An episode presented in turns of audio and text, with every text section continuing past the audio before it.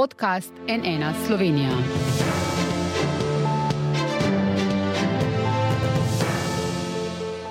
Dober dan, to je NN studio. Tokrat ponovno z terena. Kot vidite, smo v državnem zboru, kjer že od povdneva na zahtevo SDS poteka izredna seja o položaju slovenskih upokojencev. So od vlade dobili le blažev žegen, kot pravi Janez Janša, ali pa vlada resno, ustrezno in sistemsko ukrepa, kot trdijo v koaliciji. Ali gre za boj za upokojence ali za boj na plečih upokojencev. Ob sebi prav lepo pozdravljam dva poslanca, člana odbora za delo, družino, socialne zadeve in invalide iz SDS, je z nami poslanka gospa Karmen Furman. Dobr dan. Dobar iz vladajoče svobode pa poslanec gospod Dejan Premik. Dobr dan, dobrodošli. Pa začniva midva, gospa Furman. SDS-ova priporočila vladi so bila zavrnjena že v bistvu sinoči na pristojnem odboru, tako da jih državni zbor ne bo sprejel. Kakšna pa so pravzaprav in zakaj pomoč, ki jo je upokojencem obljubila vlada oziroma koalicija, po vaše ni ustrezna, ni zadostna? Ja, pomoč zagotovo ni zadostna, saj ne izpolnjuje niti tega, kar so se zavezali za koalicijsko pogodbo. Zdaj v Slovenski demokratski stranki razumemo, kakšen je trenutni položaj upokojencev, na drugi strani pa vladna koalicija je z svojimi zavezami naredila to, da jih ni izpolnila. Ne? In tudi zaradi tega posledično je položaj takšen, kot je. Mi želimo z temi priporočili zgolj, da vladna koalicija prične delati za to, kar je bila tudi izvoljena. Uh, ponudili smo roko sodelovanja, želeli smo, da ko gre za tako problematične teme, tako uh, težek položaj upokojencev, da vendarle damo signal, da znamo stopiti skupaj. A nažalost, včeraj na odboru se je zgodilo tako, da koalicija ni želela potrditi teh priporočil, kar nas zadnje daje nekakšen signal, da očitno svojih koalicijskih zavez morda celo ne bo izpolnila. Kakšna so pa bila ta priporočila?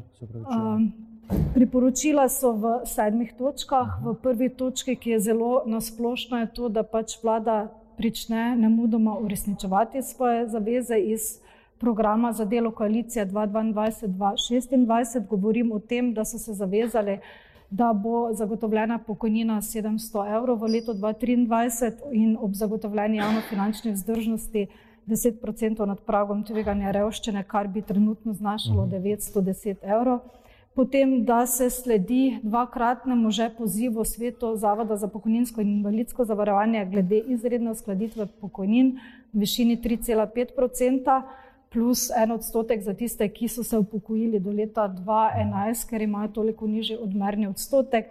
Potem, da do 30.6. pripravijo izhodišča za pokojninsko zakonodajo, kar se z tem rokom uh, sama vlada zavezala. Ne? da se v pokojninsko zakonodajo vključi 13. pokojnina in pa letni dodatek, da se popravijo zakonodaja glede vdovske pokojnine in sicer, da bi bila ta vsaj v znesku zagotovljene pokojnine, da se popravi tudi zakonodaja, kar se tiče tistih upokojencev, ki imajo niže pokojnine, do 1500 evrov, da jim tukaj pride vlada nasproti in vsaj nekoliko umili njihov položaj. In to so v bistvu te glavne naše. Dobro, gospod Premik, kaj pravite na to? Ne očitajo vam, da niti lastne koalicijske pogodbe, lastnih koalicijskih zavez ne izpolnjujete in uh, zakaj koalicija ni sprejela priporočila SDS? -a? Ni denarja ali je kakšen drug razlog? To, da ne izpolnjujemo lastnih koalicijskih zavez, eh, ni res. Ne? Priporočil nismo sprejeli ravno zaradi tega, ker se večinoma teh zadev, ki so jih predlagali iz opozicije, dejansko že izvaja. In, uh, če pogledamo za nazaj, ne, uh, se tej vladi očitno marsikaj, da nič ni naredila, ampak danes je bilo že parkrat povedano, tudi na včerajšnjem odboru in danes na plenarni seji, ne, da je bil že izdan en paket 330 milijonov v začetku leta, pa konec lanskega leta zdaj se pa pripravljajo, uh, oziroma so že zunaj ukrepi, ki se bodo izvršili v uh, konec letošnjega leta in začetku naslednjega.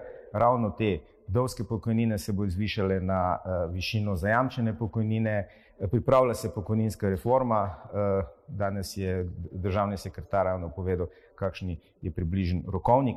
Reforma, jasno je reforma, to je proces, ki se je že začel izvajati ne, in bo trajal pač nekaj časa, ker je potrebno tukaj dobiti najširši konsens vseh deležnikov, ker vemo, da konec koncev vsak od nas bo enkrat upokojen in treba je nasloviti tudi mlade zaradi medgeneracijskega dialoga. Naslovilo se je uh, invalidske upokojence, ne, ker se jim je dejansko obračun za tiste, ki so delali polovični čas, se zdaj bo obračunalo za polni delovni čas. Prišlo bo do zvišanja uh, pokojnin za 1,8% v uh, novembru in decembru, in letni dodatek bo še enkrat izplačen v 40%, tako imenovani zimski dodatek. Tako da v bistvu vse te zadeve potekajo in jaz upam, da bomo tudi v konsenzu z uh, opozicijo pač prišli potem uh, v drugem letu do končne reforme in do rezultatov. Kaj pravite na to, gospod Furman? Ja, eh, lahko rečem, da koalicija znova zavaja upokojence. Namreč eh, nobenega zvišanja pokojnin ne bo po tem, kar ste predstavili. Eh, gre za popolnoma enak princip kot konec preteklega leta, ne, ker ni bilo zvišanja pokojnin, ampak jaz pravim, da je takrat koalicija namenila dvakratni bombonček upokojencem v mesecu novembru in decembru. Namreč tistim najrevnejšim z najnižjimi pokojninami ste jim namenili 13 evrov mesečnega dodatka in to dvakrat meseca novembra in decembra, na to so se januarja pokojnine znova znižale. In dejstvo je, da če bi res pokojnine najprej izredno uskladili in še potem tako, tako redno, bi bile danes pokojnine za 9,7% više, kot so, in vemo pa, da so se pokojnine zgolj redno skladile in so više za 5,2%. In popolnoma enak manever vlada ubira tokrat eh, tudi z bombončki, namreč eh, dvakratni dodatek v mesecu novembru in decembru. Če bi šlo za izredno uskladitev pokojnin, potem bi imeli uh, spremembo pokojninske zakonodaje, ki je pa ni, ne? ampak je koalicija tik pred zdajci naredila manever, ki je tudi poslovniško sporen in uh, izvedla to, kar je, pa uh, še to zaradi tega, ker je bil sklic te seje z temi priporočili. Ampak ne glede na to, hvala Bogu, da ste vsaj pa mogoče kanček uh, pričeli uh, prisluhniti in izpolnjevati te obljube. Ste to naredili ravno zaradi poziva SDS? Sigurno, da ne, ne. Če pogledate našo koalicijsko pogodbo, pa tudi konc koncev program Gibanja Svoboda, odkot prihajamo, ne, je ta zadeva začrta že naprej. Zavedati se moramo, da največ bombončkov upokojencev uh, je dala pač prejšnja vlada, ne, kjer v bistvu se je z temi spremembami uh, SPIS 2 popolnoma zameglilo sistema, ne, kjer se je dejansko dajalo bombončke določenim skupinam, ne, tako da je ta sistem zdaj precej nepregleden. Prišli smo do črke SPIS 2S, ne, še malo pa bo zmanjkalo črk. Uh, tako da ta vlada se dejansko uh, lotila reforme. Ne. In še enkrat bom povedal, reforma je proces. Ne moramo po enem letu, pa niti eno leto delovanja vlade še nija, ne, uh, da ne govorimo o, kdaj se je vlada uh, organizirala tako, kot je hotela. Imeli smo Eh, polena z referendumi in podobno, eh, se je začela v letošnjem letu dejansko izvajati eh, in iskati rešitve za pokojninsko reformo. Vemo, da so tukaj še zdravstvena reforma, reforma, plač jasnega, reforma plačnega sistema, tako da je cel kup želez v ognjih in dejansko se trdo dela, da bi se tudi na pokojninskem delu, ne, ne pozabimo tukaj tudi invalidski del, ki je bil do zdaj dejansko pri vseh vladah nazaj pri vseh spremembah zelo zapostavljen, ne, da se bo spal tukaj naredil nek red ne, in da se bo dejansko naslovilo težave, ki obstajajo. Če pravite, gospod Premik, da koalicija vlada vse to počne, da dela za upokojence, zakaj potem menite, da SDS sklicuje izredne seje in počne to, kar počne? Glejte, SDS je pač opozicijska stranka ne, in, in rabi pač nek uh, položaj, kjer se lahko pač eh, pokaže. Ker vemo, da tudi v eh, zunaj pred parlamentom so bili razno razni eh, zbori njihovih bivših, ki jih vodijo njihovi bivši člani. Tako da je v bistvu nas dejansko zadeva mal motija, da se dejansko izkorišča Eh, najranljivejše skupine za neke kratkoročne politične učinke, ne, čeprav bi mogli konec koncev stopiti skupaj in iskati dolgoročne rešitve za, za vse te probleme. Izkoriščate najranljivejše skupine, pravi gospod Premik. Glede, če bi upokojenci imeli dostojne pokojnine, seveda tega sklica danes ne bi bilo in če bi koalicija izpolnjevala svoje obljube, prav tako ne. Zdaj jaz se moram izvati na par dejstev, ki jih je navedel kolega poslanec. Glede, prvič, glede invalidskih upokojencev, naj spomnim, da v prejšnji vladi, v kateri smo bili, v Slovenski demokratski stranki, so se uh, konkretno dvignile najniže invalidske pokojnine. Ne? In to je bilo v času naše vlade. Uh, pa da ne omenim vseh drugih ukrepov, ki so se zgodili takrat, ko so se popravljale krivice dolgoletne za nazaj, za katere tudi del vaše koalicije ni želel prisluhniti, pa dvig pokojnin za 40 let delovne dobe, pa najniže kmečke pokojnine in še kaj, bi lahko naštela, pri čemer je mandat te naše zadnje vlade trajal zgolj dve leti. Glede, vi ste že eno leto na vlasti, veliko obljub ste dali, pa ničesar ne izpolnili. Zdaj, samo gre, če ja. lahko še glede tega manevra, da so vložili eh, ta amandma. Pridemo, pridemo še k temu, sem da se najprej odzove, gospod Premik, pa gremo potem k temu. Da. Ja, gledajte, jaz sami prihajam iz sistema, ki se je veliko ukvarjal z, eh, v prejšnji službi z upokojenci. In uh, vedno je bil problem na ranljivejših skupinah, ne govorimo predvsem o, uh, o, o, o vdovskih uh, enočlanskih družinah in tako naprej. In vedno smo na ta problem opozarjali, vse vlade do zdaj, in do nekih konkretnih uh, rešitev nikoli ni prišlo. In uh, če kolegica govori, ne, da oni so imeli dve leti časa, da so nekaj naredili, mi imamo, smo imeli do zdaj slabo leto časa in smo začeli že delati jasno. So že rezultati, ne, da nič nismo naredili. Sem že na začetku povedal, uh mhm. -huh. da je bilo takrat, da, da je zdaj že drugi paket uh, teh reševanj in da smo se lotili Eh, reforme, ne, mhm. ki se je pač prejšnja vlada ni. Ja, zdaj, ko ste oba omenjala bombončke, ne bi samo spomnil, da vaš finančni minister, gospod Čircel, je rekel, da je vlada celo bombonjere dajala, ne pa eh, bombončke. Pa če gremo zdaj k sinočnemu dogajanju eh, tule v dvorani, ko je državni zbor sprejemal zakon o izvrševanju proračuna, tako imenovani ZIPRS, ogromno zapletov je bilo, proceduralnih predlogov, protestov SDS, celo ena eh, prikinitev, ravno zaradi tega koalicijskega amandmaja o pomoči, 100 milijonski pomoči upokojencem. Eh, zakaj pravzaprav niste želeli, da državni zbor o tem glasuje? Zakaj je šlo? Zdaj, da je vodoma kar pojasnim, ne, da nimamo problemov z vsebino. Ne. Koalicija ima glasove, koliko, koliko jih ima, kar pomeni, da mi kot opozicija brez podpore koalicije trenutno v državnem zboru ne moremo ničesar izglasovati.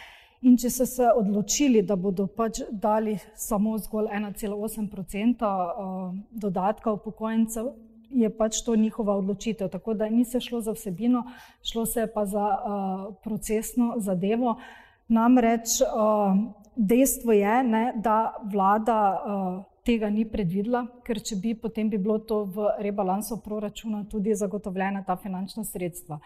Kot drugič, tega niso predvideli niti koalicijski poslanci, saj bi v tem primeru uh, dali amandma k rebalansu proračuna, ko je bilo še to mogoče, pa tudi tega niso naredili, celo ste glasovali proti našemu amandmaju za dvig pokojnin.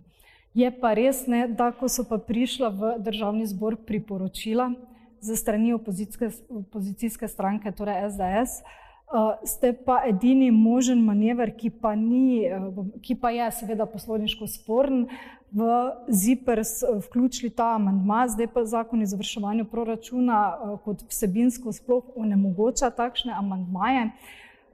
Za takšno vsebino, in tukaj se je šlo za dejstvo, da ko je opozicijska stranka SDS vložila amantmaje k ZIPRS-u, so bili na odboru zavrjeni, medtem ko je predsednica državnega zbora pač spustila skozi uh, ja. za drugačno vsebino tudi amandma uh, koalicije. Ja, na odboru niso bili dopuščeni, oziroma vaš amandma ni bil dopuščen, na Tako. plenarni seji je pa bil dopuščen, čeprav vsebinsko v bistvu nekih razlik ni bilo, ampak vi ste se na to spomnili, v bistvu vas je vodja poslanske skupine NSI, Janez Cigler Kralj spomnil, ne, ko je bilo v bistvu odločanje o vašem amandmaju že končano, šele ne, potem ne, ste vi začeli ne, ne. problematizirati. Uh, tukaj, če vas smem popraviti. Ja. Uh, to ne drži. Ne? Vodja, gledal, ne? No, NSI, ne, ne.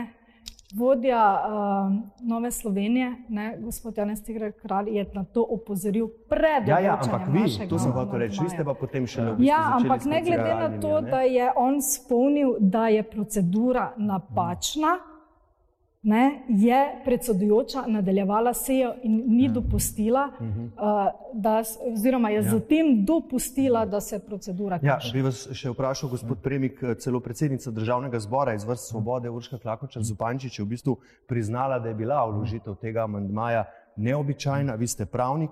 Eh, je bilo to, kar je storila koalicija, v skladu s pravnim redom, ali se tudi vam zdi ta način neobičajen? Uh, glede, mogoče je malo neobičajen način, vendar ta način odločanja v državnem zboru nekako ni nov. Ne, ker, uh, Jaz sem sicer prvič tukaj, ne, ampak ko smo šli pogledat za nazaj, je bilo v času tudi prejšnje vlade večkrat na isti način pač najdena določena poslovniška rešitev. Uh, je pa res, da ste, meni se zdi, da ste vi pravilno opazovali, da po prvem SDS-ovskem uh, amantmaju, ki je pač bil uh, oglasovan, kako je bil, ne, se je pojavil problem potem šele v tem drugem delu, čeprav je šlo za zelo podobno, če ne za isto uh, tematiko. Ne.